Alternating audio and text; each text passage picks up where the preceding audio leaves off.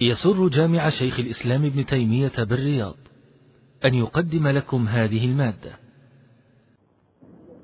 أحسن الله إليكم. وهذا يقول فضيلة الشيخ هل يبقى دين الميت في ذمة أهله إذا كان الميت لا يملك شيئا من المال؟ يعني الميت دينه عليه. إذا مات إنسان وعليه دين فالواجب يعني فالدين الأصل عليه فإذا في الحياة يقضيه إن استطاع.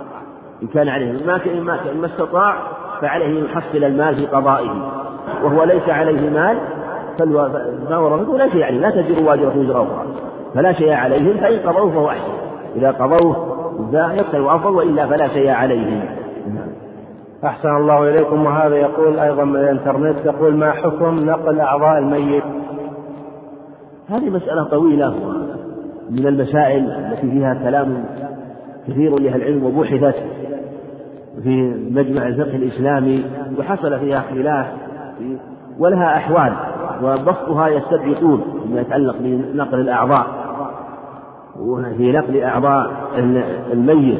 ذهب ذهب بعض الباحثين وأهل العلم في زمان في زماننا إلى أنه يجوز بشروط يجوز بشروط أن تنقل أعضاء الميت عند الضرورة مثل أن يكون هنالك إنسان مضطر مثلا إلى كلية إنسان أو إلى قرنيته أو إلى شيء مما يمكن أخذه من من الميت قبل أن تبرد آه، أعضاؤه وقبل أن تفسد هذه الأعضاء يمكن أخذها.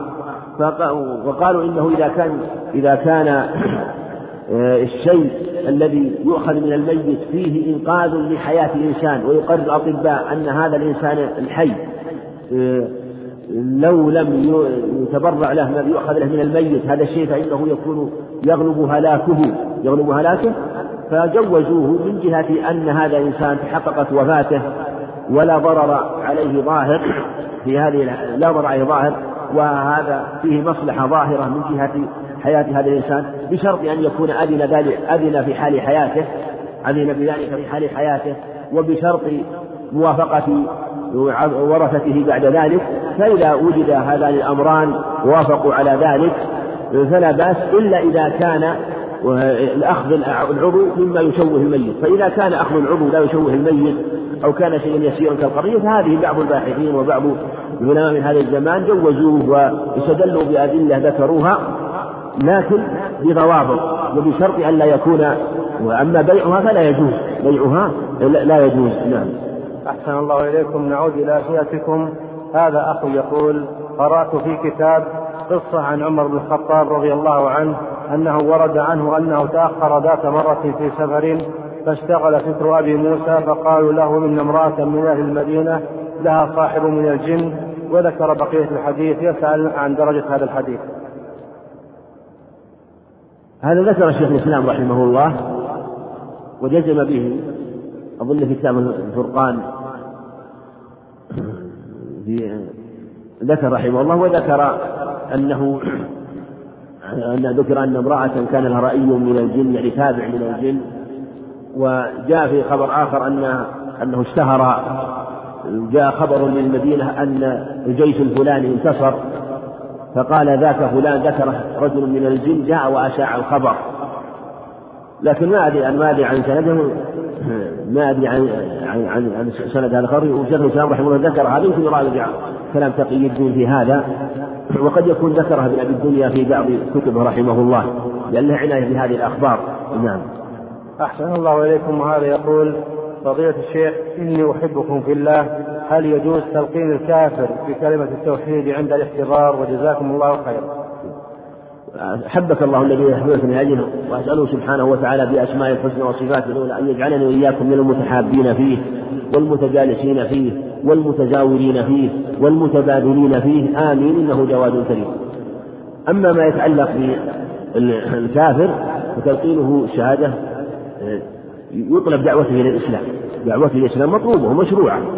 يدعى إلى الإسلام كما لقن النبي عليه الصلاة والسلام ذاك الصبي اليهودي الشهادة حيث زار كان صبي صبي يهودي مريض جاء النبي عليه الصلاة والسلام إليه وكان أبوه موجودا فقال له عليه الصلاة والسلام أسلم. ودعا إلى الإسلام فنظر الصبي إلى أبيه كالمستشير فألهم الله أباه أن يقول أطع أبا القاسم. فقال فشهد أن لا إله إلا الله وأن محمد رسول الله. فخرج النبي عليه السلام ويقول الحمد لله الذي أنقذه من النار أو قال أنقذه بي من النار. وثبت في الصحيحين وهذا الخبر في الصحيحين وثبت في الصحيحين أيضا أنه عليه الصلاة والسلام جاء إلى عمه أبي طالب جعل يذكره الشهادة لكن مات على الملة الشنيعة قال هو على ملة عبد المطلب إنك لا تهدي من أحببت فهي الهداية بإذن الله فالمقصود أن أن أن التلقين أنه يشرع التلقين وربما كان سببا في آه، موته عليه السلام. وهذا ينفع عند عند وجود علامات الموت وعند الاحتضار. أما عند الغرغرة وعند عند الغرغرة وعند بلوغ الروح فهذا حالة لا حكم لكلامه كما سبق. فكما أن لا حكم لكلام الميت المسلم لو تكلم بكلام سيء فكذلك لا حكم لكلام الكافر لو تكلم بكلام حسن. لكن في الغالب أنه لا إذا لم يقلها قبل الاحتضار فإنه لا يقولها في مثل هذه الحال. نعم. أحسن الله إليكم. وهذا يقول فضيلة الشيخ لا يخفاكم ما يمر بالمسلمين من الفتن في الدين ومن تكالب الأعداء عليهم فهل يشرع تمني الموت في مثل هذه الحالة؟ لا لا يشرع تمني الموت في هذه البداية بل الواجب أن تدفع الفتن وأن تدفع الشرور والسعي. هذا هو الواجب. والمؤمن في هذه الحال المشروع له أن يسعى في دفع الفتن ودفع الشرور وإزالتها. ولهذا قال العلماء في مسألة وجود الفتن أن من من كان مثلا خشي على نفسه ولضعفه ولضعف نفسه ضعف نفسه وخشي على نفسه من الفتنة أو وجد بينه ناس ولم يتمكن من الزوال عنهم والذهاب عنهم يعني أمر فوق طاقته ولم, يستطع ذلك لا حيلة له في ذلك وخشي على نفسه لا لا بأس. أما أن يقال بالعموم فلا الواجب على عموم المسلمين من قادتهم وعلمائهم وعموم المسلمين الواجب عليهم في حال الفتن أن تزداد جدهم وقوتهم في نصرة الدين وفي الدعوة إلى الدين وفي والجهاد في سبيل الله. هذا هو الواجب لأن هذا هو السبب في تخفيف الفتن وإزالتها.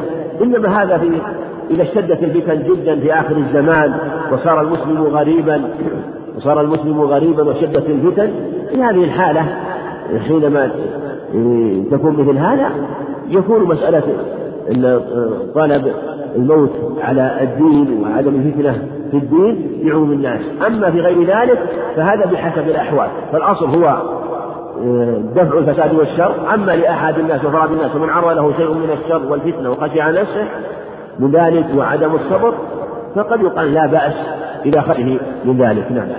عودة لأسئلة الشبكة هذا يقول فضيلة الشيخ هل كل الشهداء لا يغسلون؟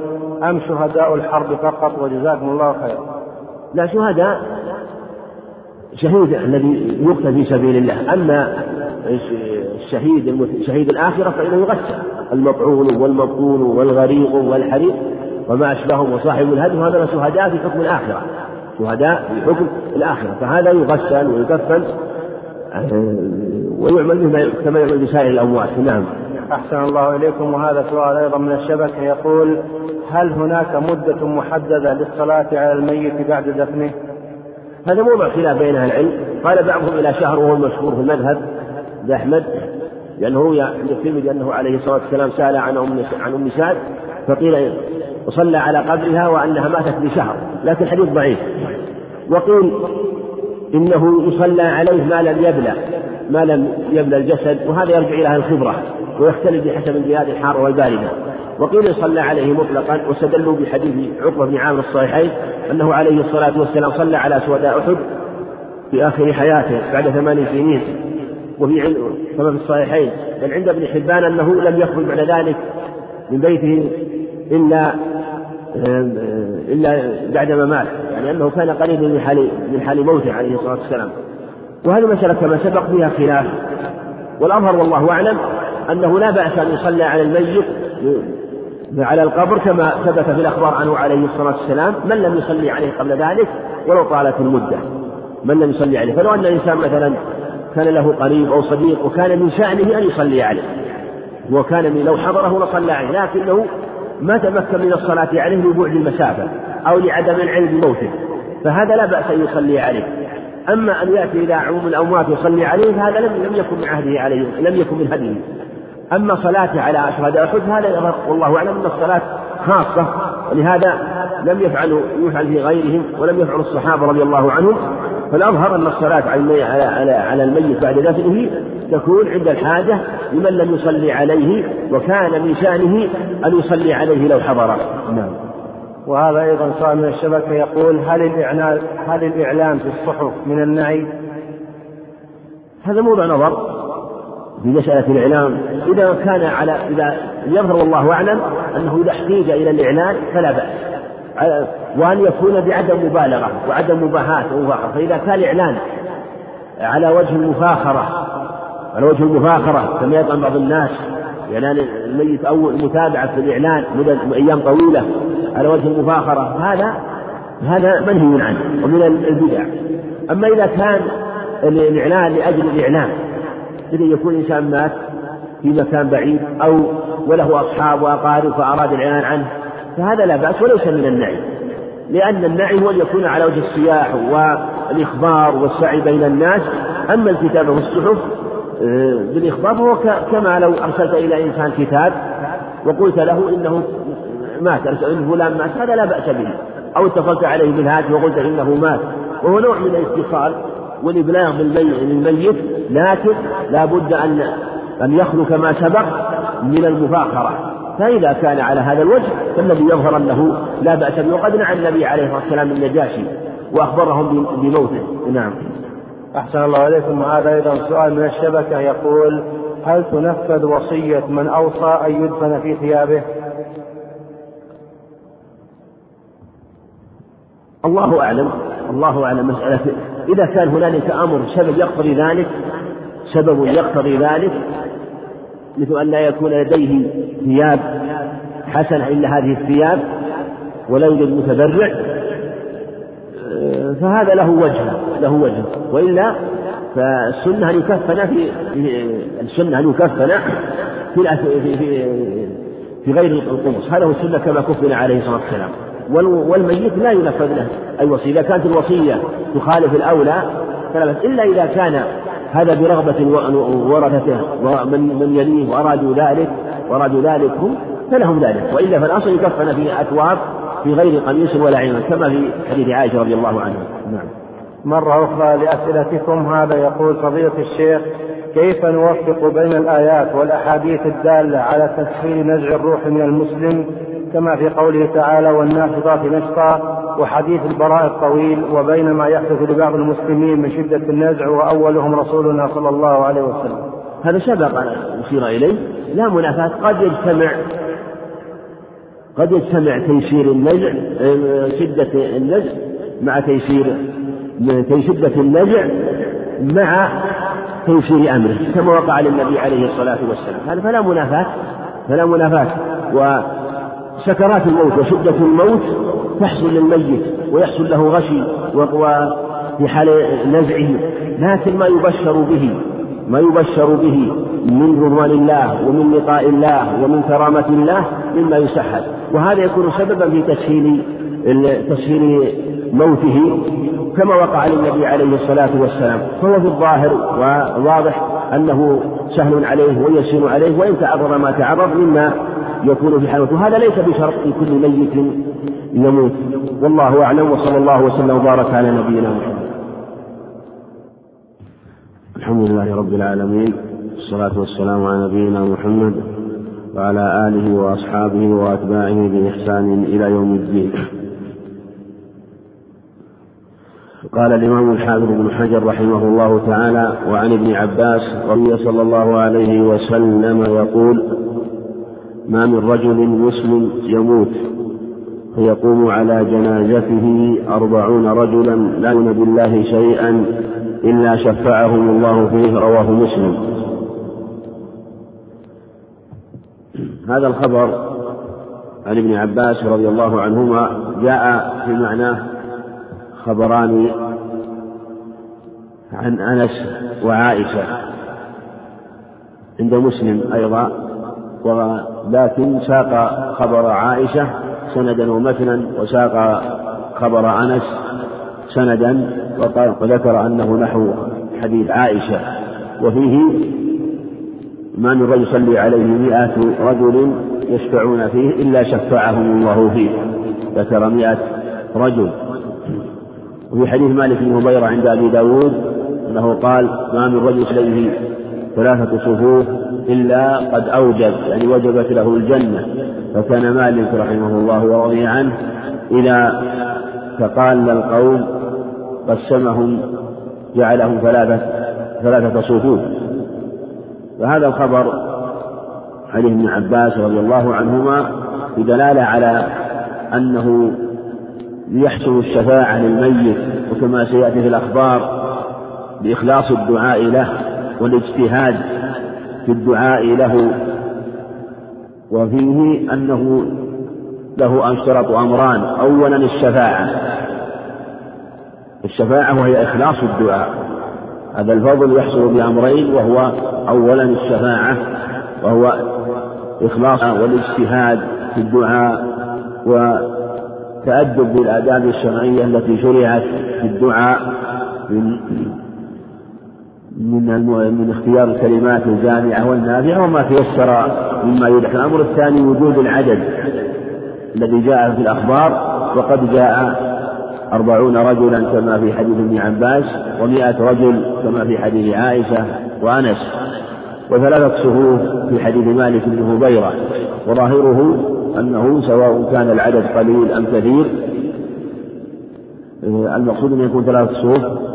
وينبني الأمر على صحة الخبر والخبر من طريق محمد بن إسحاق وهو مدلس فإن ثبت الخبر من طريق آخر فإنه يدل على أنه إذا وجد ثلاثة صفوف وإن كانوا أقل مثل الإمام وخلفه صف وأقل الصفوف رجلان وخلفه صف رجلان فيكونون خمسة الإمام صف وخلفه رجلان وخلفهم رجلان. أو قد يقال مثلا أن الإمام وخلفه ثلاثة صفوف ويكونون سبع فالمقصود أنه هذا أقل عدد يكون في الشفاعة للميت.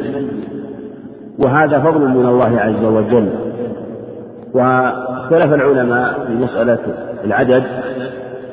فقيل إنه جاء أولا بذكر المئة ثم تفضل, ثم تفضل الله عز وجل و بأربعين.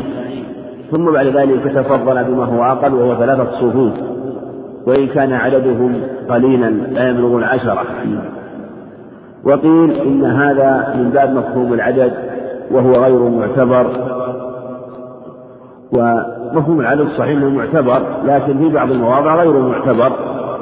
وفي بعض المواضع معتبر اتفاقا و فينظر في مفهوم عدد وقد يقال أيضا أن أن الوصف الذي جاء في الأربعين غير الوصف الذي جاء في المئة وذلك أنه ذكر الأربعين قال لا يشركون بالله شيئا يدل على مزيد خصوصية لهؤلاء الأربعين وأنهم يتميزون بكونهم لا يشركون بالله شيئا. وهذا لا شك أن من تخلى وتجرد من الشرك بجميع أنواعه ولهذا شيئا نكرة في سياق النفي فهي تعم جميع أنواع الشرك ويدخل فيه المعاصي. والمعاصي نوع من الشرك. قال سبحانه فرأيت من اتخذ إلهه هواه وهو نوع من الشرك. فهذا قد يقال إن الأربعين يتميزون بصفة وهي كونهم على هذه على هذا الوصف العالي ويكون أبلغ في فيكون أبلغ في إخلاصهم في دعائهم أما الأربعون فلم يشترط المئة فلم يأتي في مال التقييد والله أعلم. فالمقصود أنه الظاهر من النصوص والظاهر من عمل السلف أن الأربعين يحصل به المقصود. ولهذا في صحيح مسلم أن ابن عباس رضي الله عنهما لما مات ابن له وجاءه من أخبره أن الناس ينتظرونه في المسجد لأجل الصلاة عليه. قال تقول هم أربعين. هم أربعون؟ قال نعم. فانتظر. فتحرى العدد. أربع أربعين رجلا. وهذا فضل الله سبحانه وتعالى في دعاء المسلم لأخيه وشفاعته له خاصة في في مثل هذه الحالة في عند انتقاله من هذه الدنيا إلى الدار الآخرة. فينبغي أن يجتهد في الدعاء له وإخلاص الدعاء له. قال وعن سمرة بن جندب رضي الله عنه قال صليت وراء النبي صلى الله عليه وسلم على امرأة ماتت في نفاسها فقام وسطها متفق عليه. سمرة بن جندب صحابي جليل رضي الله عنه في سنة ثمان وخمسين ومما جاء في أخباره جاء في إخباره خبر فيه غرابة ذكره بعض أهل العلم. الذهبي وغيره أنه قال أن رجلا قال كنت إذا لقيت أبا هريرة سألني عن سمرة هل مات؟ وإذا لقيت سمرة سألني عن أبي هريرة هل مات؟ وإذا قلت لأبي هريرة إن سمرة لم يمت فرح. وإذا قال سمرة إن أبا هريرة لم يمت فرح. كل منهم يتمنى أن يكون أن يتأخر أن يتقدم أن يتقدم وفاته. ويتمنى أنه يسبق صاحبه. قال فقلت ما شأنكم وجاء بعض الروايات ذكر أبي محذورة معهم. فقال إنا كنا ثلاثة في بيت. فخرج علينا قال إنا كنا عشرة في بيت. فقال لنا النبي صلى الله عليه وسلم آخركم موتا في النار. وجاء أنه أنهم ثلاثة أنهم ثلاثة. قال أبو هريرة فليس شيء أحب إلي من الموت. يعني من أن يتقدم على سمرة وأن يكون قبله من جهة أنه أخبر أنه يكون آخرهم موتا. وهذا الخبر جاء من عدة طرق ورواه البيهقي ورواه يعقوب بن سفيان وغيره من أكثر من طريق. وبمجموع الطرق قد يقال إنه لا بأس به شك فيه غرابة. وجاء أن سمرة رضي الله عنه ورحمه أنه أصابه شيء من المرض والكزاز ويصيبه شيء من البرد وأنه كان يستشفي بالنار بشدة الحرارة بالحميم بالماء الحار وكان يوضع له في الإناء الماء الحار شديد الحرارة وكان يتبخر ويصيب من بخار الماء حتى يصيب بدنه مما فيه من البرد. يقال إنه ذات يوم وكان يستدفئ من بخار هذا القدر سقط فيه وأنه مات فيه فحمله جمع العلم على أن المراد بالموت في النار يعني في في النار في الدنيا وأنه وأن موته يكون في النار. قالوا إن هذا هو أولى ما يكون في التأويل إن فثبت الخبر عنه رضي الله عنه. وهو من الله الصحابة وقد أثنى عليه من السلف وأثنى عليه علماء التابعين كالحسن وغيره رضي الله عن الجميع قال قال صليت وراء النبي صلى الله عليه وسلم على امرأة بنفاسها وسطها. الوسط بالفتحات يطلق على ما لا يبين والوسط بسكون السين على ما يبين بعضه من بعض. ومنه حديث حذيفة المروي حديث لاحق بن حميد بن مجلد لاحق بن حميد عن حذيفة رضي الله عنه أن رسول الله صلى الله عليه وسلم قال لعن الله من جلس وسط الحلقة وسط قال وسط من جهة أنه يبين بعضها من بعض. أما وسط بالفتحات فهو ما لا يبين كالمتصل مثل الدار وسط الدار وسط الرأس. أما القوم وسط القوم وما أشبه ذلك مما يبين وقيل إنهما إن وسط ووسط واحد وأن أحدهم يقال مكان الآخر. فعلى الأول يكون وسطها بفتحات من جهة أنها أن الميت لا يبين بعضه من بعض وأنه بدء جسم واحد. وفي هذا الخبر أنه ما أنه صلى على امرأة في نفاسه وأنه صلى على النساء كالرجال وهو محل اتفاق من أهل العلم. قام عليها وسطها وهذا حجة دليل في التفريق على في الصلاة على المرأة دون الرجل وأنه أنه يصلي على المرأة وأنه يقوم عليها وسطها وفي اللفظ الآخر عند عند لو عند عجوزتها في الوسط. والرجل يقوم عند رأسه وهذا ثبت عند أحمد الترمذي من حديث أنس رضي الله عنه أنه جاءه صلى على جنازة رجل فقام عند رأسه وجاءته امرأة أو صلى على امرأة فقام وسطها فقال له أبو غالب هل قام رسول الله صلى الله عليه وسلم على المرأة مقامك منها وعلى الرجل مقامك منه؟ قال نعم.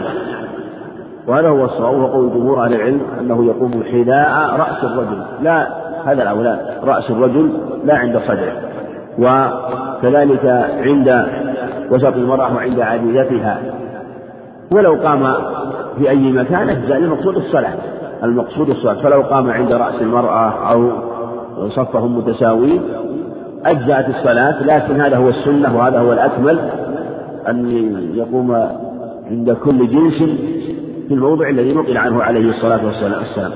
فعلى هذا لو اجتمع جنازتان لرجل وامرأة جعل وسط المرأة عند رأس الرجل. جعل وسط المرأة فيقوم عند رأس الرجل مما يليه ويكون عند وسط المرأة. وعن عائشة رضي الله عنها قالت والله لقد صلى رسول الله صلى الله عليه وسلم على ابني بيضاء في المسجد رواه مسلم. وهذا فيه أنه لا بأس من الصلاة على الميت في المسجد وهذا هو الصحيح خلافا لمن أنكر ذلك أن لا يصلى على الميت في المسجد. وتأول بعضهم هذا الخبر أنه صلى على أنه صلى على المسجد متعلق به عليه الصلاة والسلام. أن الظرف هنا متعلق به عليه السلام وأما الميت على ابن بيضاء فهو ما كان خارج المسجد لا شك أنها تأويل بعيد. ومخالف لما احتجت به عائشة رضي الله عنها لأنها كما في صحيح مسلم مر عليها بجنازة سعد بن أبي وقاص فأنكر بعض الناس إدخاله المسجد فقالت عائشة رضي الله عنها ما أسرع ما نسي الناس. والله ما صلى رسول الله صلى الله عليه وسلم على ابني بيضاء إلا في المسجد على سهل وسهيل أمهما دعت ابني بيضاء فأخبرت أنه صلى عليه صلى عليهما في المسجد. في دلالة على لا بأس من الصلاة في المسجد. وإن صلي عليها في جنائز في محل المصلى أو في محل الجنائز كان أولى. وهذا هو المعروف من هديه عليه الصلاة والسلام أنه كان يصلي على الأموات في موضع البارز الظاهر في المصلى أو موضع الجنائز لأن فيه إظهار الموت وإشاعة أمر الموت وفيه أيضا بيان أنها فلان مات ويشتهر عند الناس فيراه ضعيفا فيحضر الناس ويكون فيه كثرة الجمع. الناس إذا رأوا إذا إذا رأوا القوم بارزين واضحين فيدعو إلى السؤال ما الأمر ما الشأن. أما داخل المسجد قد لا يتبين إلا لمن كان قريب المسجد أو كان داخل المسجد. وبالجملة سواء صلى عليها في المسجد أو غيره فهذا الخبر حجة في جواز الصلاة على الجنائز في المسجد. وأيضا ثبت عن الصحابة رضي الله عنه عن أبي بكر رضي الله عنه أنه صلى أن صح عن عمر رضي الله عنه صلى على أبي بكر في المسجد. وصح عن صهيب رضي الله عنه صلى على عمر في المسجد كما أخرجه عبد الرزاق في مصنفه. وهذا من فعله رضي الله عنهم محل اتفاق خاصة في عهد عمر في صلاته على أبي بكر على من جواز مثل هذا الأمر أو مشروعيته وهكذا في الصلاة على عمر. وعن عبد الرحمن بن أبي ليلى قال كان زيد بن أرقم رضي الله عنه يكبر على جنائزنا أربع وإنه كبر على جنازة خمسا فسألته فقال كان رسول الله صلى الله عليه وسلم يكبرها رواه مسلم. وفي هذا أيضا دلالة على أن الأكثر من فعله عليه الصلاة والسلام أنه كان يكبر أربع كما ثبت في الصحيحين من حديث ابن عباس من حديث جابر من حديث أبي هريرة أنه عليه الصلاة والسلام صلى على النجاشي فكبر عليه أربعة كلها في الصحيحين. وفي هذا الخبر حديث زيد بن أرقم رضي الله عنه أنه صلى على جنازة خمسة. وذهب جمهور العلماء إلى أن السنة لا يزاد على أربع وقالوا إنه هو آخر المعروف المعهود المعروف من سنته عليه الصلاة والسلام. وحكى عن عبد البر الاتفاق على هذا وقالوا إنما سواه منسوخ أو شاذ قالوا إن الصحابة اجتمعوا على ذلك. ذكر الجماهير أدلة في هذا لكن كلها عند التحقيق. لا تثبت من جهة إما من جهة الإسناد أو من جهة المعنى. وهو في الحقيقة ليس هنالك إجماع في المسألة. كيف يكون إجماع؟ آه، لا إجماع. فكيف يكون إجماع؟ ومخالف زيد بن أرقم وهو قد فعل ذلك بعد النبي عليه الصلاة والسلام وبعده لا نسأل الشريعة لا ترفع ولا تنسخ بعد عهد عليه باتفاق أهل العلم. وأيضا جاء عن علي رضي الله عنه أنه صلى ستا وجاء في أخبار أخرى أنه صلى سبعا أو أنه كبر ستا وسبعا كما سيأتي. فهذه كلها تدل على أن الزيادة على أربعة لا بأس بها وهو إن كان خلاف قول الجمهور لكنه موافق للأدلة. وليس هنالك إجماع وليس هنالك نسخ ولا اتفاق من الصحابة رضي الله عنهم. عند النظر والتبصر في الأدلة. والصواب أنه يجوز أن يصلي خمسا يكبر خمسا. وجاء أن وجاء عن علي رضي الله عنه صلى ستا كما في خبر كما في خبر علي. قال وعن علي رضي الله عنه أنه كبر على سهل بن حنيف ستا وقال إنه بدري رواه سعيد بن منصور وأصله في البخاري. الحديث في البخاري بدون ذكر ست وهو عند سعيد بن منصور بذكر ست وعند البخاري أنه كبر على سهل بن حنيف وقال إنه بدري. فهذا مراده وهذا أصله وأصله في البخاري. في هذا الخبر وما جاء معناه دلالة على أنه يجوز أن يزاد على أربع. وجاء أنه كبر على حمزة تسعا. الخبر رواه الطحاوي وقد صححه العلامة المحدث الألباني رحمه الله. وقوى هذا الخبر استدل به على مشروعية الزيادة على التسع على مشروعية الزيادة على الخمس إلى تسع في صلاة في صلاة النبي عليه الصلاة والسلام على حمزة وأنه كبر عليه تسع تكبيرات من حديث عبد الله بن الزبير. وجملها المقام على الثبوت والأكثر على أن يكبر أربعا أن يكبر أربعا. فإن كبر خمسا فلا بأس خاصة إذا كان الذي صلى يصلى عليه له شأن. وله فضل في الجهاد في سبيل الله والعلم أو الشرف في الدين وما أشبه ذلك. فهذا لا بأس ولهذا قال علي رضي الله عنه كان يكبر أنه كبر ستا على سهل بن حنيف وقال إنه بدري وقد جاء علي رضي الله عنه بإسناد لا بأس به أنه كان يكبر أنه كان يكبر على أهل بدر ستا ويكبر على على الصحابة خمسا وعلى سائر الناس أربعا. وإذا نزل الناس منازل رضي الله عنه يدل على أنه فهم أن الزيادة على الخمس بحسب على أربع بحسب النظر والاجتهاد. وهذا موافق لما نقل لما نقل عنه عليه الصلاة والسلام في صلاته على حمزة وإكثاره من التكبير عليه رضي الله عنه. وعن جابر رضي وعن جابر رضي الله رضي الله تعالى عنه قال كان رسول الله صلى الله عليه وسلم يكبر على جنائزنا أربعا ويقرأ بفاتحة الكتاب في التكبيرة الأولى رواه الشافعي بإسناد ضعيف. والحديث ضعيف كما ذكر مصنف رحمه الله طريق محمد إبراهيم محمد شيخ الشافعي وهو ضعيف متروك. لكن الخبر جاء من طريق آخر عند النسائي وغيره بإسناد صحيح والمصنف رحمه الله كأنه آثر هذا لأنه قال في التكبيرة الأولى. قيد أن الفاتحة تكون في التكبيرة الأولى وبينها. بخلاف ذلك الخبر من طرق أخرى لم يأتي تقييد التكبيرة الأولى. وفيه حديث أبي أمامة. أبي أمامة أسعد بن سهل بن حنيف. أبي أمامة أنه وصف صلاة الجنازة فقال يكبر الإمام فيقرأ. فيقرأ الفاتحة. ثم يدعو أو يخلص للميت الدعاء ثم يصلي على النبي عليه الصلاة والسلام ثم يسلم سرا أو يسلم في نفسه كما بعض الألفاظ. وإسناد صحيح وفيه بيان صفة صلاة الجنازة. وذكره لهذا يظهر والله أعلم أنه هو الترتيب المنقول عنه عليه الصلاة والسلام.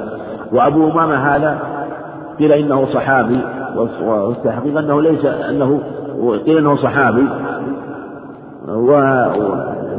وهو كذلك لأنه أدرك من حياة النبي عليه الصلاة والسلام سنتين لكن أخبار في حكم المرسل لأنه لم يدرك السماع ولا الإدراك عن النبي عليه الصلاة والسلام والقاعدة أن الصحابي الصغير الذي لم يعقل خبره أخباره وأقواله مثل محمد مثل محمد بن بكر وأمثاله هو صحابي من جهة الفضل والشرف شرف الصحبة لكن أخباره أخباره تكون حكم حكم المراسيل حكم حكم المراسيل وهكذا قال خبر أبي أمامة لكنه جاء من طريق آخر عن أصحاب النبي عليه الصلاة والسلام فيكون مرفوعا. وفيه أنه يقرأ فاتحة الكتاب يقرأ فاتحة الكتاب و ثم يصلي على النبي عليه الصلاة والسلام ثم يدعو ثم يصلي على النبي عليه الصلاة والسلام. وذهب يوم من العلم إلى وجوبها لأنه هو الذي كان يفعله والظاهر ما كان يداوم عليه. ثم قال عليه الصلاة والسلام صلوا كما رأيتموني يصلي. ونقل أنه يصلي هكذا. ثم هذه الأفعال مع هذه التكبيرات قائمة مقام الركعات للصلاة المفروضة فهو يكبر ثم يقرأ الفاتحة. ثم يكبر ثم يدعو ثم يكبر ثم يصلي ثم يكبر ثم يسلم فهذه التكبيرات في صلاة الجنازة تقوم مقام الركعات في الصلاة المفروضة فلهذا قالوا بوجوبها ثم يسلم والتسليم اختلف العلماء فيه والأظهر أنه يسلم تسليمة واحدة. لأنه قال يسلم ولم يذكر تسليمتين. في عبد الله بن مسعود جاء أنه يسلم تسليمة واحدة. والإمام أحمد رحمه الله قال ما معناه إن العمدة على ما نقل عن الصحابة رضي الله عنهم. وقال عن ستة من أصحاب النبي صلى الله عليه وسلم عن ابن عباس وعن ابن عمر وعن أبي هريرة وعن ابن أبي أوفى وعن واثل بن أسقع عن خمسة وستة من أصحاب النبي عليه الصلاة والسلام كلهم يقولون إنه سلموا مرة واحدة. ومما حفظته من شيخنا العلامة الشيخ بن باز رحمه الله وغفر عنه وغفر له أثناء تقريره. على البلوغ رحمه الله قال ما معناه؟ إن هذا مما يستغرب في صفة صلاة الجنازة أنه لم ينقل أنه عليه الصلاة والسلام لم تنقل صفة التسليم والجنائز تكثر وكان يصلي عليها عليه الصلاة والسلام ولم يأتي خبر صحيح واضح عن عن الصحابة رضي الله عنهم في كيفية التسليم فقال من هذا؟ من الغرائب أو من العجائب؟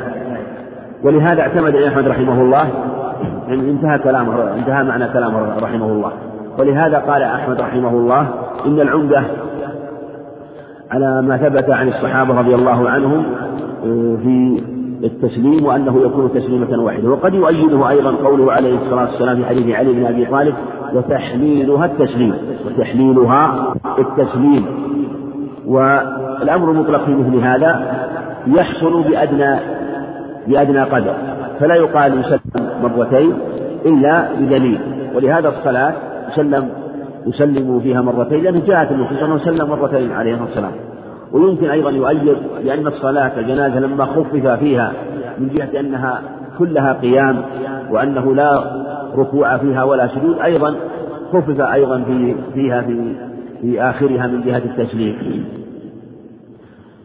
وعن طلحة بن عبد الله وفيه أيضا قوله يكبر عن جنائزنا أربعا شاهد لما سبق أن التكبير معروف والأكثر أنه كان يكبر أربعا عليه الصلاة والسلام.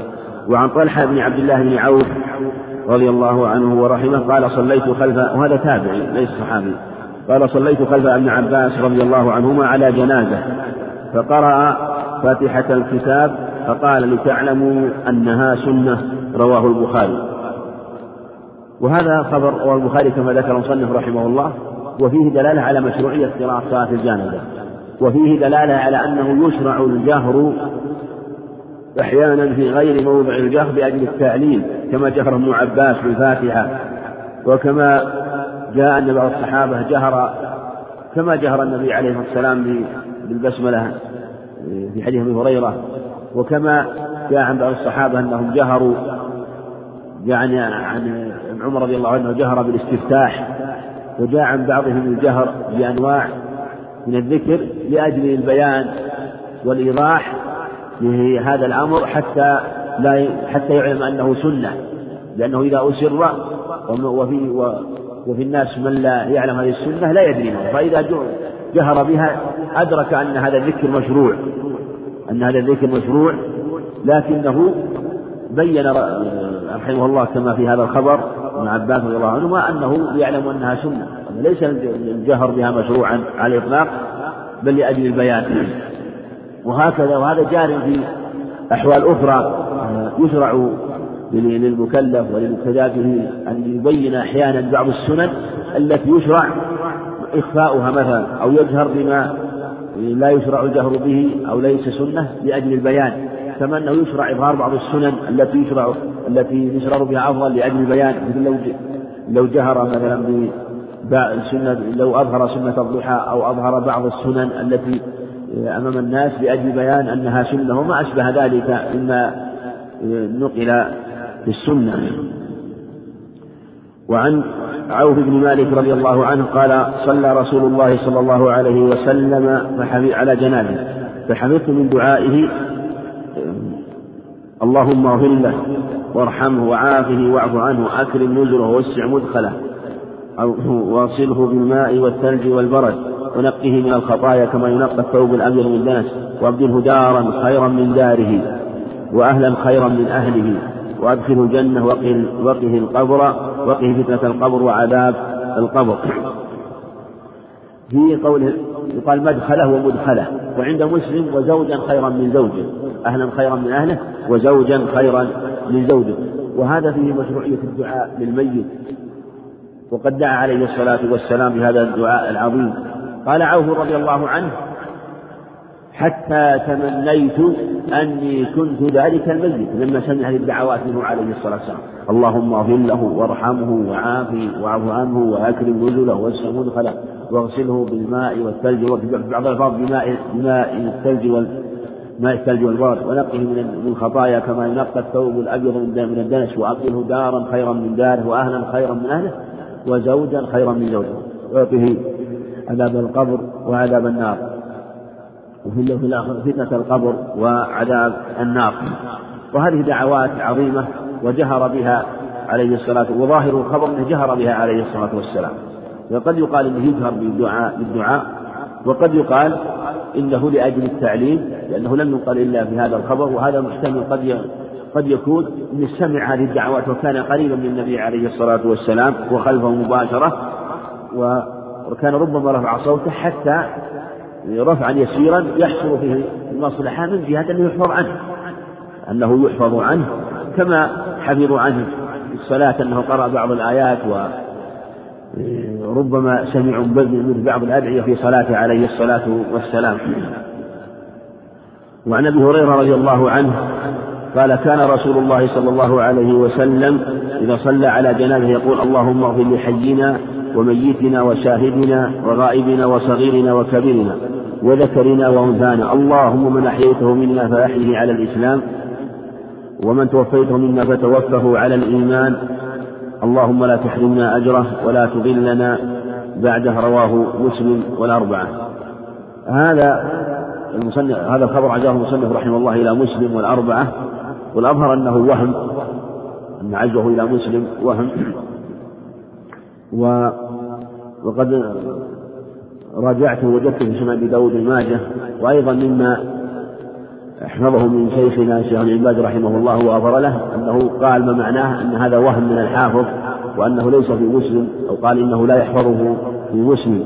وهكذا كثير ممن كتب يقول إنه ليس في مسلم فيكون وهم من الحافظ رحمه الله. وهو عند أبي داود وابن ماجه عند أبي داود وابن ماجه وفيه ابن إسحاق وجاء من طريق أبي إبراهيم الأشهري عن أبيه. هذا الخبر جاء من طريق أبي إبراهيم الأشهري عن أبيه عند الترمذي. وقال البخاري رحمه الله إنه أصح الروايات. فيكون هذا الخبر شاهدا لذاك لهذا الخبر. ويكون مجموع الطريقين من باب الحسنة لغيره. وربما يكون حديث أبي إبراهيم الأشهري جيد بنفسه وبذاته. فهذا من الأدعية التي يدعى بها للميت. ومنها هي أدعية كثيرة نقل عن نقلت عنه عليه الصلاة والسلام أن أنت خلقتها وأنت هدي أنت خلقتها وأنت هديتها للإسلام وأنت أعلم بسرها وعلانيتها جئنا شفعاء فاغفر له وما أشبه ذلك يعني فالمقصود أنه يكثر من الأدعية. ولهذا ذكر المصنف رحمه الله حديث أبي هريرة قال وعنه يعني عن أبي هريرة رضي الله عنه أن النبي صلى الله عليه وسلم قال إذا صليتم على الميت فأخلصوا له الدعاء رواه أبو داود وصححه ابن حبان. وهذا رواه أبو داود من طريق من طريق ابن إسحاق وقد صححه ابن وقد صرح عند ابن حبان بالتحديث وإما يتبين بالنظر في أحاديث الجنائز وإما يلفت النظر أن رأيت أن كثير من الأخبار التي جاءت مجموعة من الأخبار التي جاءت في الجنازة كثير منها من طريق ابن إسحاق. جاءت عدة أخبار عدة ممكن لو جمعها لو لو جمعت جاءت عدة أخبار. لا أدري كم عددها لكنها مجموعة. ومنها الخبر اللي في وفاته عليه الصلاة والسلام. لما قال لا ندري ماذا نصنع به عليه الصلاة والسلام؟ هل نجرده كما نجرد موتانا؟ وجاء في عدة أخبار أيضا. وفي بعضها أنه يصرح بالتحديد وبعدها أنه لم يصرح بالتحديد فيدل على أنه إن كانت كثيرة إلى عنايته بهذه الأخبار التي جاءت في هذا الباب رحمه الله. إذا صليتم على الميت فأخلصوا له الدعاء. من فضلك اقلب الشريف.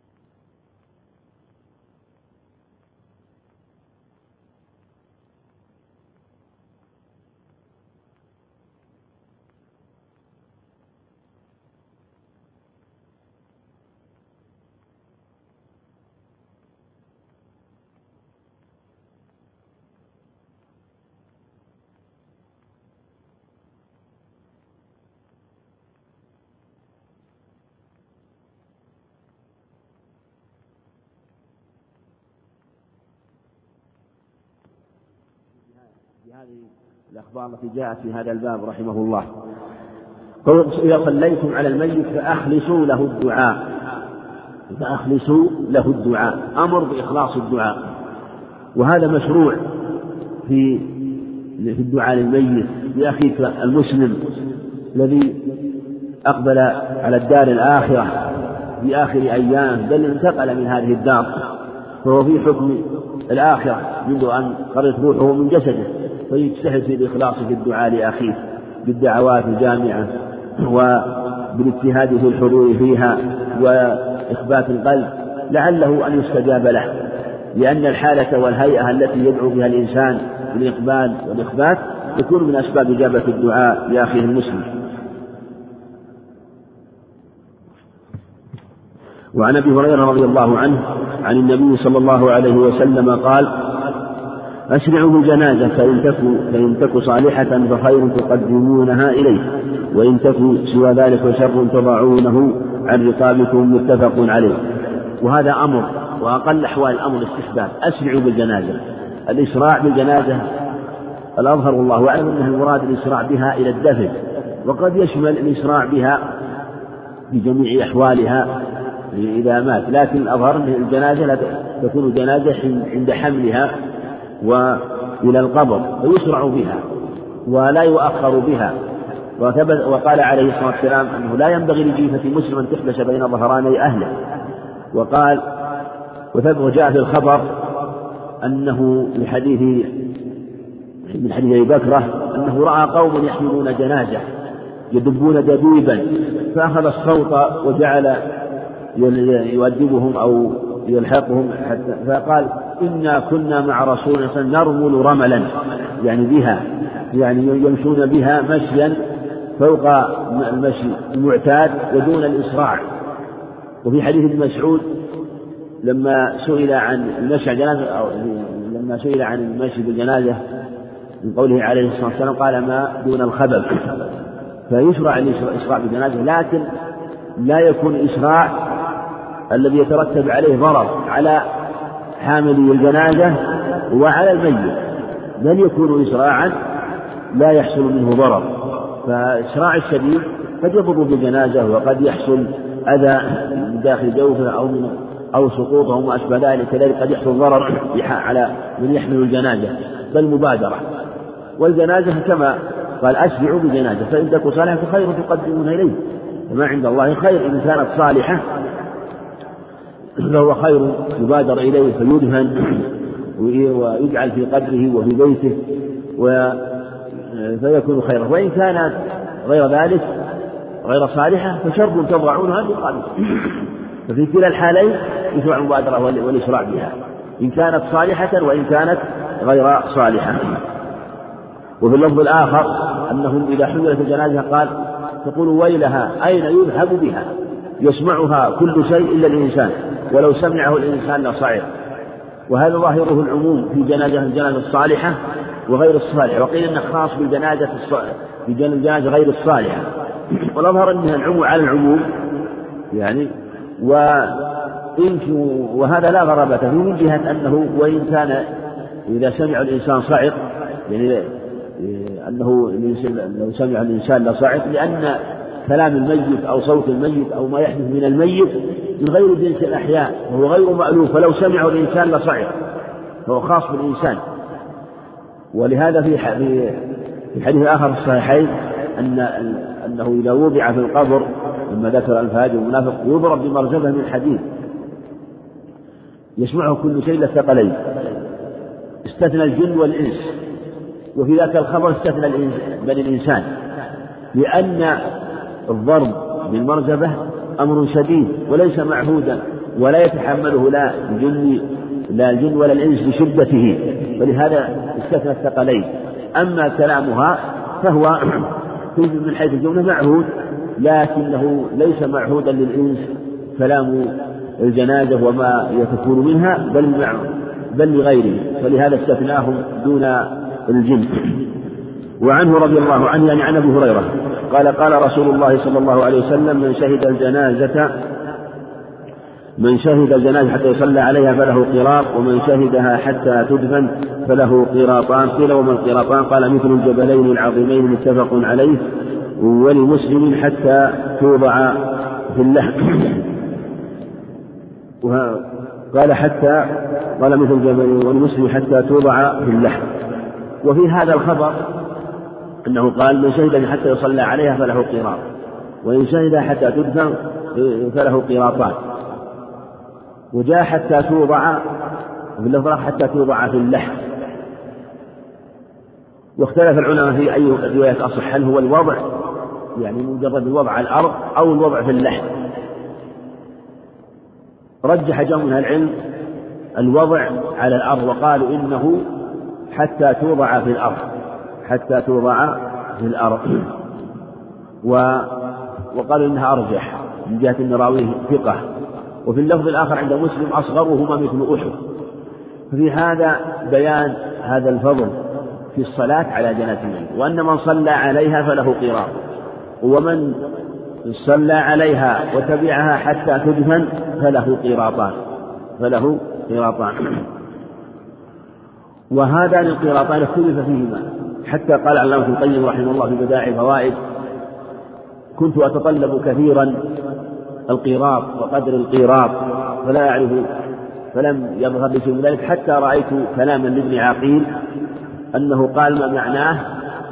أن الأجر المترتب على القيام على جنازة الميت في حضوره عند الاحتضار ثم إحسان العمل إليه ثم بعد ذلك وتلقينه وما أشبه ذلك ثم بعد ذلك آه، تجريده وتغسيله وتكفينه وحمله ودفنه ومواساة أهله والتعزية وجميع ما يتعلق بالجنازة قال ابن عقيل رحمه الله إن هذا الأجر يقوم مقام الدينار الذي هو القيراط جزء منه لأن القيراط القيراط نصف دانق والدانق سدس درهم سدس درهم والدينار أربعة وعشرون قيراطا أربعة وعشرون قيراطا فعلى هذا يكون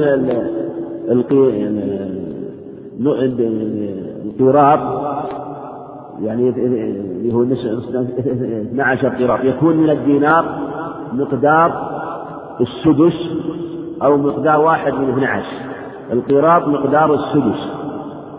مقدار السدس. والقيراطان مقدار القيراط مقدار واحد من 12 والقيراطان مقدار السدس. يعني نصف 12 نصف 12 فلو ووضح العلاف القيم رحمه الله. قال معناه لو كان مثلا وضرب مثل على ذلك. فيقول إن أجره يكون بهذا المقدار. فمن حضره وصلى عليه فله قراط ومن حضر دفنه فله قراط ثاني. ومن مثلا ساعد فيه في التعزية وأيضا واسى أهله وكان معه عند الوفاة ربما يحصل على جميع هذه القراريط أربعة وعشرين أربعة وعشرين قيراطا هذا هو ما ذكر رحمه الله. قال مثاله أيضا في القراط من أخذ كلبا. هل هو نفس من من من, من ربى أخذ عنده كلبا واقتنى كلبا غير كلب حرث ولا ماشية ولا ضرع ولا زرع؟ قال هل هو مثل قراط الجنازة؟ وذا جاء ذكر القراط في عدة أخبار وهل هو واحد؟ الله أعلم. الله أعلم. ما يدري. لكن وتوقف رحمه الله وقال هل هو مثله أو لا؟ فقال فإن كان شبيها به فعلى هذا يقال مثلا من اقتنى كلبا. نقص من عمله كل يوم قيراطان أو قيراط فلو كان عمل المكلف في اليوم مثلا أربعة أربعة وعشرون أربعة وعشرون ألف حسنة. أربعة وعشرون ألف حسنة مثلا عمله في اليوم. واقتنى كلبا يقول ينقص من عملك كل يوم قيراط. قيراط. القيراط إذا قلنا نصف الدانق هو سدس درهم واحد من اثنى عشر. إذا صار واحد من اثنى عشر يكون من أربع وعشرين كم من ألف كم يكون ألفين. أليس كذلك؟ يكون ألف. هو رحمه الله قال اللي قرأته في في بداية الفوائد قال يقول ألف. يقول ألف. فهو إما أن نسخ القلم أو أن أو أنه من نساخ خطأ. فالقيراط من 24 ألف يكون مقداره ألفين. والقيراطان أربعة آلاف. فإذا رب فإذا كان كان كلبا نقص منه ألف حسنة. فهم مثل هذا لو كان الحسنات مثلا لو كان حسنات ألف حسنة أو عشرين ألف حسنة أو مئة ألف حسنة اجعلها على أربعة وعشرين أربعة وعشرين. ويكون اثنان من أربع وعشرين هو القراط وأربعة من أربع وعشرين هو قراطا وهكذا. فالمقصود أن هذا ذكروا والله أعلم بصحة هذا وذكره. والأمر والله أعلم جزء مقدر من الأجر الله أعلم به. وفيه فضل المتابعة في الجنازة وأنه يحصل له أجر وتقديره الله أعلم به. لكن جاء آه، بيان أن هذا القدر من الأجر مثل ما قال أصغره مثل أحد. وقال مثل الجبلين العظيمين. قال إنه مثل الجبلين العظيمين. في بعضها قال مثل أحد. يعني أن أصغرهما مثل أحد. ومن تبع الجنازة ولم يصلي عليها حصل له فيها قراط ومن صلى عليها ولم يتبعها حصل له قراط. لا لا يظهر من اشتراط الصلاة مع مع الاتباع. فيحصل الفضل ولو صلى بلا بلا اتباع. أو اتبع ودفع دفع واتبعها ولم يصلي. فإذا جمع بينهما حصل له قراطان. قال وللبخاري أيضا من حديث أبي هريرة رضي الله عنه من تبع جنازة مسلم إيمانا واحتسابا وكان معه حتى يصلى عليه ويفرغ من دفنها فإنه يرجع بقيراطين كل قيراط مثل جبل أحد وهذا مثل ما سبق. لكن قيد قال من تبع جنازة مسلم إيمانا واحتسابا. يبين أن من شرط حصول هذا الأجر أن يكون إيمان واحتساب يحتسب الأجر في اتباعها. لا يعمله من باب المكافأة عندنا الدرجات عند عاهات أحوال أن يتبع الجنازة ويصلي عليها إيمانا واحتسابا. هذا يحصل له الأجر التام وهم بقدر والمصلون والمتبعون بقدر إيمانهم واحتسابهم. درجات عظيمة. ومما نبه عليه بعض أهل العلم أن القرارات تختلف قد يكون قيراط إنسان آلاف الحسنات أو مئات الآلاف وقد يكون قيراط إنسان آه، أقل من ذلك. وقد يكون قراط آخر بينهما فالقراريط متفاوتة كما أنه يصلي الظهر ويزكي ويحج والصلاة والزكاة والحج متفاوتة بين صلاتيهما وحجيهما وزكاتيهما كما بين السماء والأرض وهكذا ذكره. فالعمل يتفاوت بقدر ما يقوم فقال إنما بالنيات. فهكذا أيضا اتباعه للجنازة وصلاته عليه يتفاوت. فقيراط كل إنسان بحسب ما يقوم بقلبه وبحسب يقينه وإيمان احتسابه. القسم الثاني أن يكون يصلي عليها ويتبعها من باب المكافأة. مثل إنسان يصلي على إنسان لأجل أنه صلى على أبيه أو على أخيه أو من باب المكافأة لقرابة أو رحم. يعني قصد المكافأة. من قصد المكافأة ورد فهذا هل له أجر ليس له أجر؟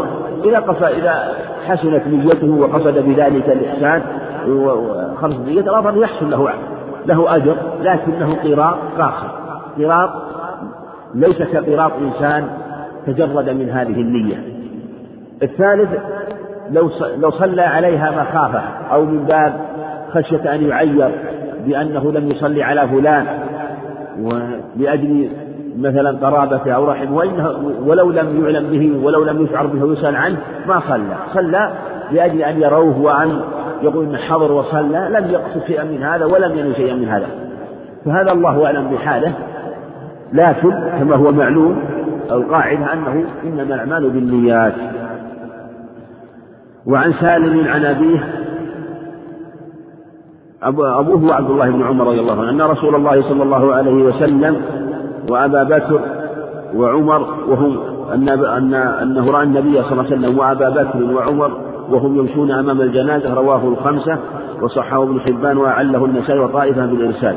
هذا عله بالإرسال وقالوا إن ابن عيينة رواه عن الزهري عن سالم عن أبيه وهو وقال ورجح جمع من العلم أنه مرسل وأن من رواية ابن عيينة وأنه مرسل رواية الزهري مرسلا.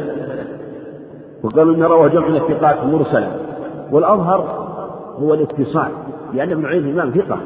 ثم قد وافقه جمع من الثقات وافقوه على وصله. فلهذا يحكم بوصله.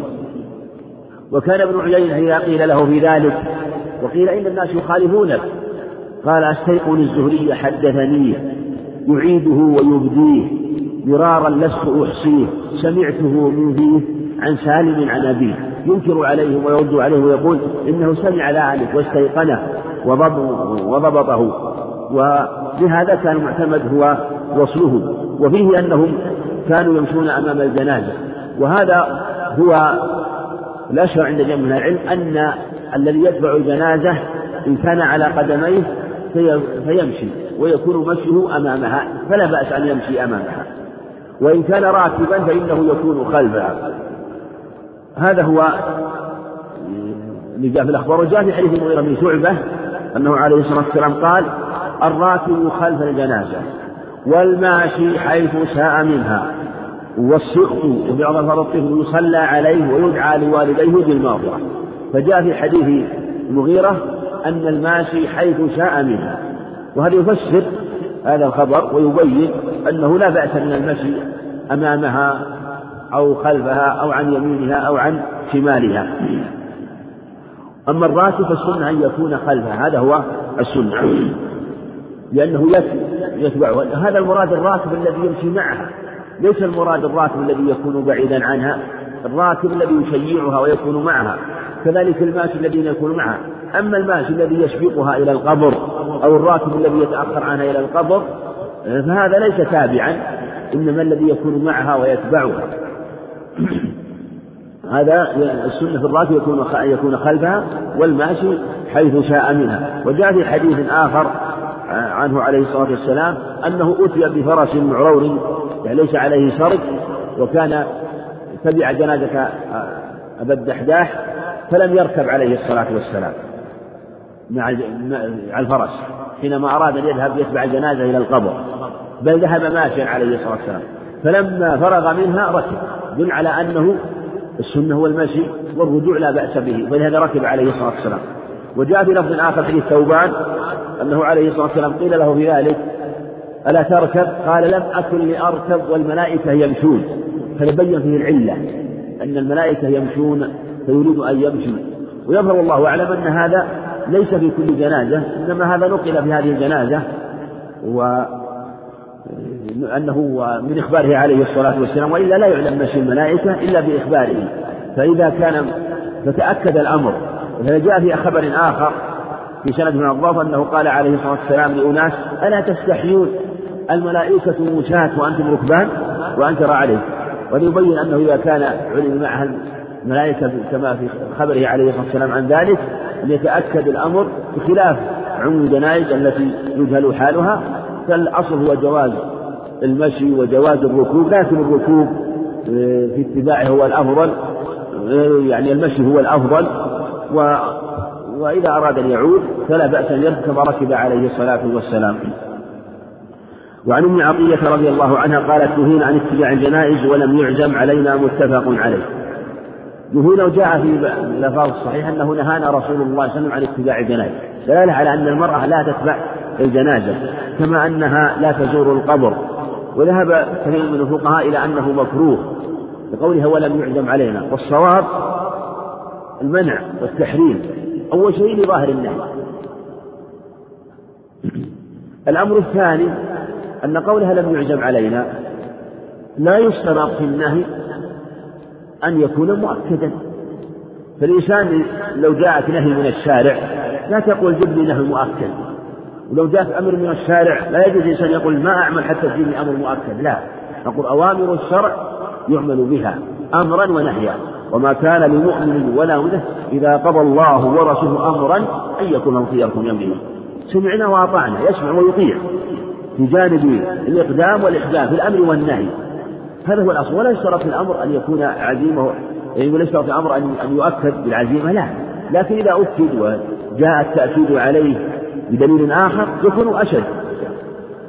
جواب آخر أنه يقال أنها وإن لم تشهد العزيمة رضي الله عنها فقد شهد العزيمة غيرها وأنه المرأة لا تتبع الجنازة وجاء في عدة أخبار أنه عليه الصلاة والسلام ما أنكر عليهن وقال هل تحملن فيما يحمل هل تنزلن في من ينزل؟ ويروي أنه قال ابدعن مأجورات غير مأجورات. ثم المعنى يقتضي المعنى يقتضي إذا كانت المرأة كما سيأتي في الأحاديث كما صنف رحمه الله. إذا كانت منهية عن زيارة القبور مع بعد عهدها بالميت والأموات وتسليها عن المصيبة فكيف باتباعها للجنازة والمصيبة لا زالت حديثة ولا زالت ولا زال المصاب قريب والموت وتذكره لا زال قريبا بها فلهذا يكون النهي من باب أولى. من جهة أنه ربما حصل أذية وربما حصل منها نوح وصياح. لهذا أظهر أنها لا تتبع الجنازة ولا. لكن لا بأس. يعني كونها تصلي عليها في المسجد لا بأس. على وجه لا يكون فيه اتباع. أما اتباعها يعني والمشي اتباعها وتشييعها فإنه لا يجوز لها. وعن أبي سعيد الخدري رضي الله عنه أن رسول الله صلى الله عليه وسلم قال إذا رأيتم الجنازة فقوموا فمن تبعها فلا يجلس حتى توضع متفق عليه. وهذا الخبر ثبت معناه عن عدة من الصحابة رضي الله عنهم أنه عليه الصلاة والسلام أمر بالقيام عند عند رؤية الجنازة. من رأى الجنازة أنه يقوم لها وهذا في من لم يكن مشيعا لها فإنه يقوم لها. ثم اختلف العلماء هل يلزمه القيام حتى تغيب عنه؟ ويغيب عنها أو أو لا بأس من الجلوس وهل الجلوس منسوخ هل هو القيام منسوخ أو ليس منسوخ؟ على أقوال. وجاء في حديث علي رضي الله عنه أنه عليه الصلاة والسلام قام للجنازة ثم قعد بعد كما رواه مسلم حديث علي. وجاء عند أحمد قال ثم قام للجنازة ثم أمرنا بالجلوس أو قعد ثم أمرنا بالجلوس. وهذا يدل على فيه دلالة على النسخ كما قال يوم من العلم. قال أمرنا وسناد لا بأس به يدل على النسخ.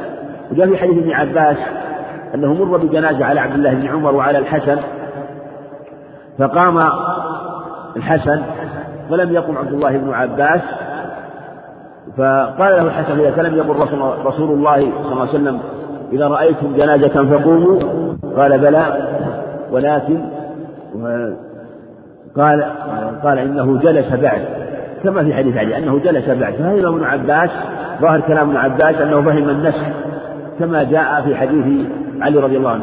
فهو عن هذين الصحابيين ثم أقره الحسن وابن عمر حاضر ثم من هذين الصحابيين بقولهما وذلك بإقرارهما يدل على النسخ وأنه إذا رآها لا يقوم لها إذا كان غير مشيع إذا كان غير مشيع وقيل وهو وهو جنح إليه النووي رحمه الله قالوا نجمع بين الخبرين بأن الأمر بالقيام على الاستحباب والنهي يدل على أنه يدل يصرف الأمر من الوجوب إلى الاستحباب. قاعدة قالوا يصرف الأمر وجوب الاستحباب وهذه لها مال إليه جو من أهل العلم كالنووي وجماعة فقالوا إنه على الاستحباب. وهذا كما سبق فيما في من لم يكن معه إذا مرت به وهو جالس أما من كان مشيعا لها تابعا لها هذا يقول يتبعها صحت الأخبار وتواترت الأخبار بأن من كان معها فإنه لا يجلس حتى توضع توضع في اللحدة وتوضع في الأرض. وعن أبي إسحاق أن عبد الله بن يزيد رضي الله عنه أدخل الميت من قبل من قبل رجلي القبر وقال هذا من السنة أخرجه أبو داود. حين طريق أبي إسحاق وأبو إسحاق والسبيعي هو مدلس. ولكن رواه عن شعبة وشعبة إذا روى عن أبي إسحاق فإنه يعتني بسماعه ويقول قد كفيتكم قد كفيتكم تدليسا. وقد ذكر عن وقد ذكر الحافظ حجر رحمه الله في باب طبقات المدلسين قال قال شعبة كفيتكم تدليس ثلاثة أبا إسحاق و آه، الأعمش أبا إسحاق يعني بالسبيعي والأعمش وذكر ثالثا. نعم. وقتادة نعم. سن كفيتكم تدليس ثلاثة. أبا إسحاق وأبا إسحاق السبيعي وقتادة والأعمش والأعمش. فهذا يدل على من من شعبة رحمه الله أنه يعتني بتدليس هؤلاء أنه يعتني بحديث هؤلاء الثلاثة وأنه لا يروي عنه إلا ما كان سماعا فعلى هذا رواية شعبة من رواية أبي رواية شعبة من رواية أبي إسحاق تكون محمولة على السماع. وقول أدخل الميت من قبل رجلي القبر وقال هذا من السنة. قال هذا من السنة. يدل على أن إدخال الميت يكون من قبل رجليه معنى أنه من الموضع الذي تكون رجلي الميت إليه. رأسه إلى جهة الشمال ووجهه إلى جهة القبلة يعني قال وجهه إلى جهة القبلة و ورجله ورأسه بحسب ذلك بحسب قبلته بحسب قبلته. فالمقصود أنه إذا تحددت قبلته عرفت جهة رجلاه ورأسه فيدخل من جهة رجليه وقال إن هذا من السنة. وجاء في حديث آخر أنه يسل سلا من قبل القبلة يسل سلا قال بعض أهل العلم أنه يسل سلا يعني ينزل يعني يمسك اثنان أو ثلاثة واحد قبل رجليه وواحد مع الوسط وواحد مع الرأس وينزل جميعا يسل ينزل. وقيل إنه يسل من قبل من قبل رجلي القبر. والأمر في هذا إيه، واسع كما قال جمع من أهل العلم. وهذا الخبر أثبت من قبل رجلي القبر والأظهر أنه بحسب المصلحة. وقد تكون القبور مثلا متراصة ومتقاربة فلا يمكن سله من قبل رجلي القبر. وقد يكون وقد تكون متراصة من جهة القبلة أو فيه ضيق أو ازدحام فلا يمكن سله من جهة القبلة. فالأظهر والله أعلم أن هذا أمر بحسب الأيسر وبحسب الأصلح من جهة من يعتني به ومن جهة أيضا الميت. وعن ابن عمر رضي الله عنهما عن النبي صلى الله عليه وسلم قال إذا وعراتم موتاكم في القبور فقولوا بسم الله. وعلى ملة رسول الله أخرجه أحمد وأبو داود والنسائي. وصححه ابن حبان وعله الدار قطني بالوقت والحديث موصول جيد بسم الله وعلى ملة رسول الله عند أبي داود وعلى سنة على سنة رسول الله. وهذا سنة إذا وضع الميت في القبر قال بسم الله وعلى ملة رسول الله على التوحيد. فهو مات على إذا وضع الميت يقال يعني مات على التوحيد ويقال مثل هذه الكلمات النافعة فهي كلمات نافعة كما أنه يقال الكلمات النافعة بعد موته بالاستغفار له والدعاء له فلهذا يسمى أن يقال مثل هذه الكلمات. وعن عائشة رضي الله عنها أن رسول الله صلى الله عليه وسلم قال كسر عظم الميت ككسره حيا رواه أبو داود بإسناد على شرط مسلم. المصنف رحمه الله يقول بإسناد على شرط مسلم وقد راجعته في سنن أبي داود وذكر رواية الدراوردي عن سعد بن سعيد وهو والدراور ومسلم لم يروي للدراوردي عبد الله بن محمد الدراوردي عن سعد بن سعيد. سعد بن سعيد أخو يحيى بن سعيد. فلهذا لا يكون على يظهر أنه لا يكون على شرط مسلم.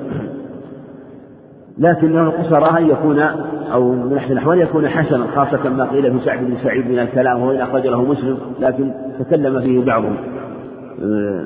فعلى هذا ما دل على الخبر كسر عظم الميت كسر حي يبين حرمة الميت كحرمته حي ولا يجوز أن يؤذى الميت ولا يجوز أن الاعتداء عليه. وبهذا احتج جمع من العلم أنه لا يتصرف فيه أي شيء. ومنعوا أخذ أي شيء من أجزاء مهما كان. هذا من الأدلة استدل بها. من منع الانتفاع من الميت بأي شيء وقال إن حرمته باقية. وخاصة الميت لا يدفع عن نفسه فتعظم حرمته. قال وزاد ابن ماجه من حديث ابن سلمة رضي الله عنها في الإثم والرواية هذه ضعيفة في الإثم لكن المعنى صحيح من جهة أن الكسر عظم الميت يعني في الإثم فمن كسر عظم ميت فإن إثمه كمن كسر كمن اعتدى على الحي. يعني لا ضمان عليه. لو اعتدى عليه وكسر فإنه آثم وفعله محرم. لكنه لا ضمان عليه من جهة أنه ميت. وعن سعد بن أبي وقاص رضي الله عنه قال ألحدوا لي لحدا وانصبوا علي النبن نصبا كما صنع برسول الله صلى الله عليه وسلم رواه مسلم. وفي هذا مشروعية اللحد وأنه هكذا صنع برسول الله عليه السلام وأنه وضع في اللحد. وجاء في حديث عند أحمد بن ماجه أنهم لما أرادوا أن يدفنوا رسول الله صلى الله عليه وسلم قال نبعث لا لا يدرون هل يلحد له أم يضرحوا الضرح أو الضريح هو الشق في الأرض. واللحد هو الشق في جهة القبلة ما يوضع فيه الميت. فبعثوا إلى اللاحد والضالح. قالوا أيهما سبق؟ يعني أن الله اختاره لنبيه. فيحفر له. فسبق الذي يلحده أبو طلحة. فحفر له. وقال النووي رحمه الله جل وعلا إنه يجوز هذا وهذا. اللحد والضرب ويدل عليه الحديث هذا وحديث جيد رواه أحمد بن ماجه وجاء أيضا من طريق آخر عند أحمد الترمذي بإسناد أضعف بإسناد فيه ضعف. لكن تشهد رواية له أحمد بن ماجه وفي أنه كان معهود آه، اللحد وأيضا الضرح. كان يلحد لحدا أو يضرح له ضرحا وأنه معروف في الأموات. لكن أشكل عليه أمر النبي عليه الصلاة والسلام كما أشكل عليه ما سبق. قبل وفاة في وفاته وما يتعلق بغسله فلهذا حكى النووي رحمه الله غيره من العلم إجماع على جواز اللحد والظرف والشق اللحد والشق. وجاء في خبر عند ابن عباس عن ابن عباس وجاء عبد الله اللحد لنا والشق لغيرنا. في لفظ آخر لغيرنا أهل الكتاب. فإذا قد يفهم منه أنه ليس من هدي المسلمين وأنه لا لغير أهل الكتاب أنها يجوز. لكن هذه الرواية في فيها نظر. قول من غير غير أهل الكتاب ضعيفة. فالأظهر عدم ثبوت هذه الرواية وأن الصواب جواز اللحد والشق لكن اللحد أفضل وهو الذي اختاره الله لنبيه عليه الصلاة والسلام. وللبيهقي عن جابر رضي الله عنه نحوه يعني هي اللحد شاهد له. وزاد ورفع قبره على قد قدر سن وصحه ابن حبان. والحين طريق الفضيل بن سليمان النميري وهو من رجال الصحيح وفي أنه رفع قبره قدر شبر عليه الصلاة والسلام. وجاء في صفة قدر رواية سفيان بن دينار التمار أنه في صحيح البخاري رأى قبر النبي صلى الله عليه وسلم مسنما يعني كهيئة سلام البعير. قريب من هذا القدر. وجاء في حديث عند أبي داود أن القاسم محمد قال لعائشة اكشفي لي عن قبور عن قبر النبي صلى الله عليه وسلم وقبر صاحبه. قال فكشفت لي عن قبور ثلاثة. لا مشرفة ولا لاطئة مفتوحة بطحاء عرصة. هذا يفهم أنها مسطحة وليست مسنمة؟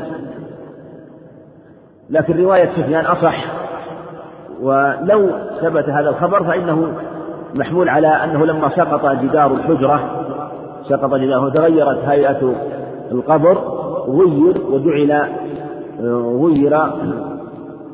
غير يعني عن حالته الأولى وجعل مسنما وهذا هو المشروع في القبر. أن ألا يزاد في ترابه وأن لا يرفع لأن القبور المشروع فيها عدم التباهي وعدم التفاخر ولهذا نهي عن تعظيمها ونهي عن البناء عليها كما سيأتي والكتاب عليها. قال ولمسلم رضي الله عنه ولمسلم ولمسلم عنه يعني عن جابر رضي الله عنه أن نهى رسول الله صلى الله عليه وسلم أن يجسس القبر وأن يقعد عليه وأن يبنى عليه. أن يجسس القبر وأن يقعد عليه وأن يبنى عليه؟ هذه كلمات واضحة لا يجوز البناء على القبر ولا يجوز أن يوضع عليه القصة والجص ولا يجوز القعود عليه لأن التجسيس ووضع القصة البيضاء نوع من البناء والبناء طريق إلى تعظيمها والغلو فيها وعبادتها ولهذا لعن الرسول عليه الصلاة والسلام حديث ابن عباس حديث عائشة حديث أبي هريرة لعن الله اليهود والنصارى اتخذوا قبور أنبيائهم مساجد.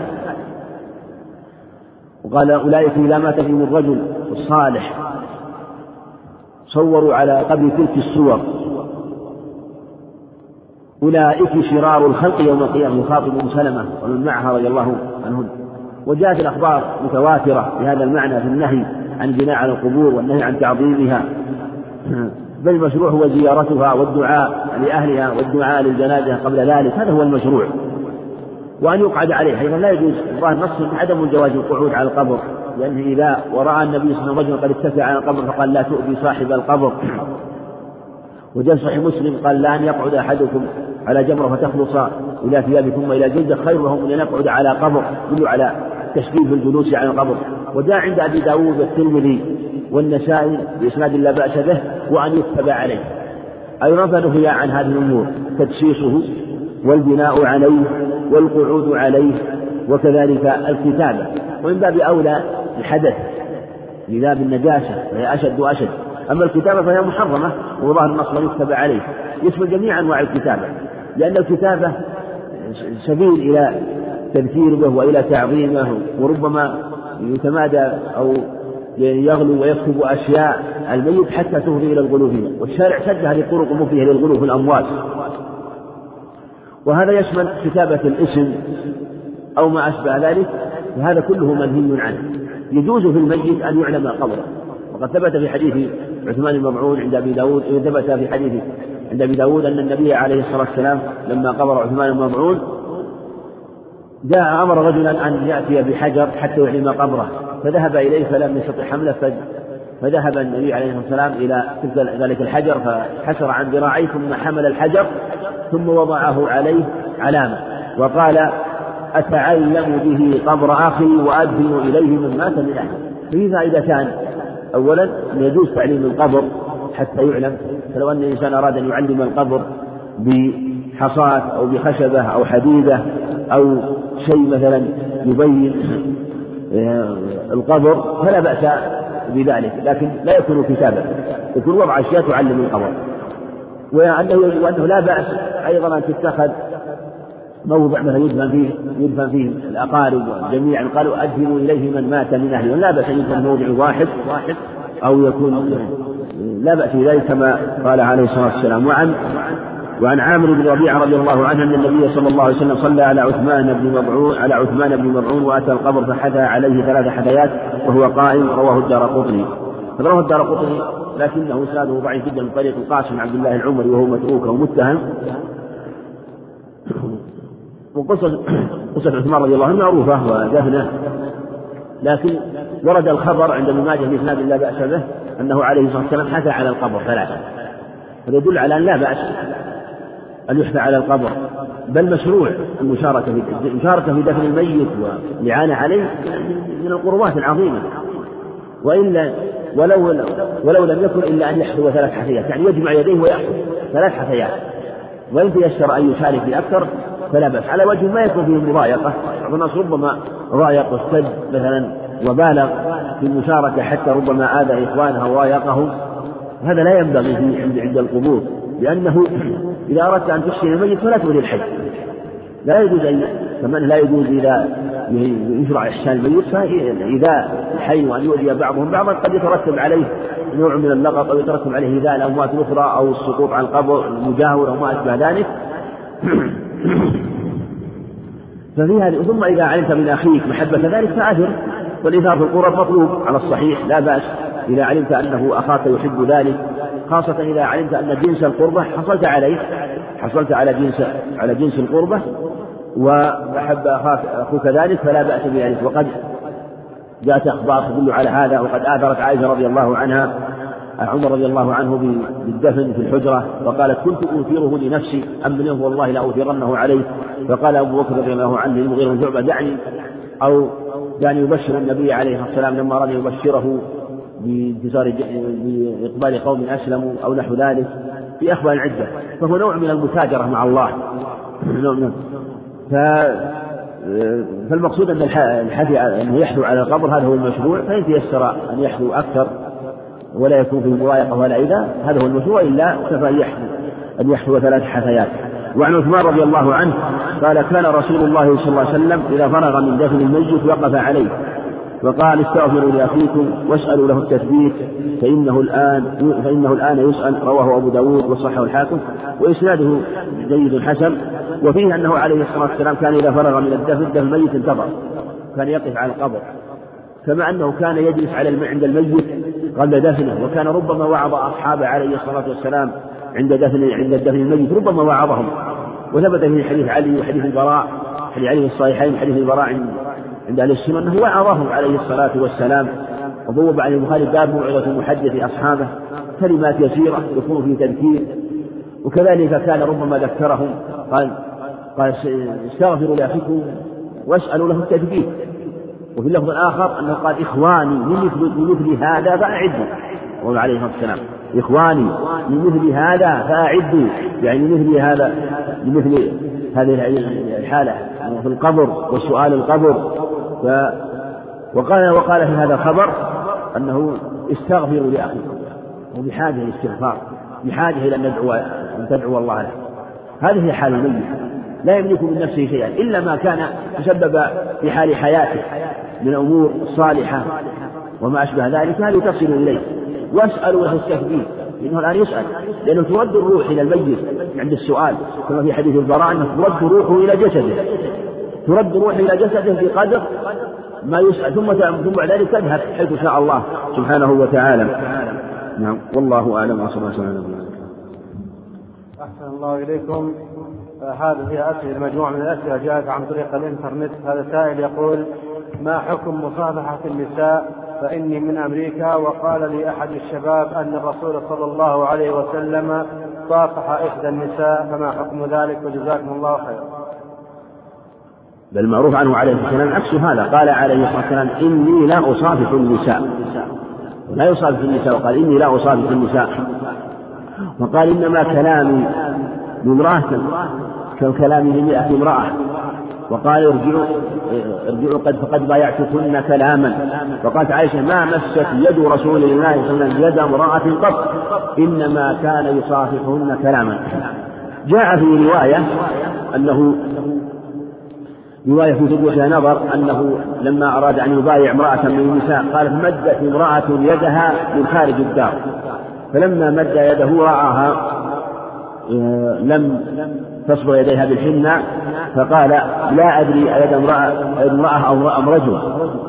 وهذه لا تثبت الرواية ولا تصح لكن لو ثبتت فهي محمولة على على أنه مجرد إشارة بالمد إشارة إلى المبايعة لا المصافحة. لأن الحديث صريحة صريحة في أنه لا يصافح النساء. ثم جاء في رواية أخرى أنه وضع يده في إناء أو في القش ووضع النساء يدهن في القش إشارة إلى المبايعة فالأحاديث جاءت في هذا الباب لا تثبت وكثير وبعضها صريح وواضح في أنه إشارة إلى المبايعة ليس فيه أن صافحهن بل مجرد مدوى وقد جاء في الخبر عند الطبراني بإسناد جيد أنه عليه الصلاة والسلام قال لأن يطعن أحدكم بمخيط خير له من أن يمس امرأة لا تحل له وهذا يدل على أنه من الكبائر. ثم أيضا إذا حرم النظر إلى المرأة الأجنبية فإن المس يحرم من باب أولى لأن الفتنة بالمماسة أشد. ثم الغالب أنه إذا حصلت المماسة والملامسة فإنه سبيل ووسيلة قريبة إلى النظر فيجتمع الفتنتان فتنة المس وفي فتنة النظر. نعم. أحسن الله إليكم. وهذا السائل آخر يقول استدل من ذهب إلى كراهة اتباع النساء للجنائز بحديث أن النبي صلى الله عليه وسلم كان في جنازة فرأى عمر امرأة فصاح بها فقال له رسول الله صلى الله عليه وسلم دعها يا عمر فما رأي قضيتكم؟ ما في هذا ما في منافاة. هذا الخبر في ثبوت نظر لكن يفسر الحديث الآخر. حديث فاطمة قال أنه عليه الصلاة والسلام رأى فاطمة قد أقبلت. فقال معي جوزي قالت من آل فلان رحمت عليهم وعلى ميته قال أنك بلغت معهم الكدى من القبور. قالت لم آتها ولم لم أكن أبلغها وقد قلت فيها ما قلت. وجاء في أنه قال لو ملغت معهم الكدى لم تدخل الجنة حتى يدخلها جد أبيك. والخبر فيه ضعف. وحديث المروي هذا حديث عمر رضي الله عنه يظهر والله أعلم أن المراد أن أن المرأة جاءت من من أهل الجنازة. يعني كما في قصة فاطمة أنها والمرأة لا بأس أن تذهب إلى أهل الميت فتعزيه لا بأس من أن تعزيه فكونها تذهب إلى الميت هذا هو مشروع لها. أما أنها تتبع الجنازة فهذا يجوز وعلى هذا تحمل الأخبار التي جاءت في هذا الباب خاصة أن ليس فيها صراحة أنها تتبع الجنازة وما جاء أنها تبعت الجنازة فهو ضعيف. ثم جاء في أخبار أخرى أنه عليه الصلاة والسلام وهي مثل هذه الأخبار أو أقوى منها أنه أنكر على تلك النساء التي تبعن الجنازة وقال ارجعن مأجورات ارجعن مأجورات غير مأجورات. نعم. أحسن الله إليكم. هذا يقول ما صحة هذا الحديث؟ من رأى جنازة فقال الله أكبر صدق الله ورسوله. هذا ما وعد الله ورسوله. اللهم زدنا إيمانا وتسليما. تكتب له عشرون حسنة. ما أعرف الخبر هذا أدري عنه لكن يقرب الله أعلم عدم صحته. هذا لم يذكره من يعني من يحقق في الأخبار ومن أهل العلم في كتب المصنفات المعتمدة على الأخبار الجيدة ولهم عناية بذكر الأخبار لم يذكروا هذا الخبر مع أن مع أنه يرجى أنه أعظم من هذا مو لا, لا عشرين حسنة. لو عشرين حسنة يرجى أعظم من ذلك لمن تبع الجنازة ويرجى أجر عظيم. فالخبر فيه في الأظهر أن يعني عدم صحته مع ما فيه اللفظ هذا من ذكر عشرين حسنة. نعم. وكثرة أسئلة الإخوة حول إذا زاد الإمام عن أربع تكبيرات في صلاة الجنازة فماذا يقرأ؟ جزا الله فضيلة الشيخ خيرا على ما قدم وجعله في ميزان حسناته والسلام عليكم ورحمة الله وبركاته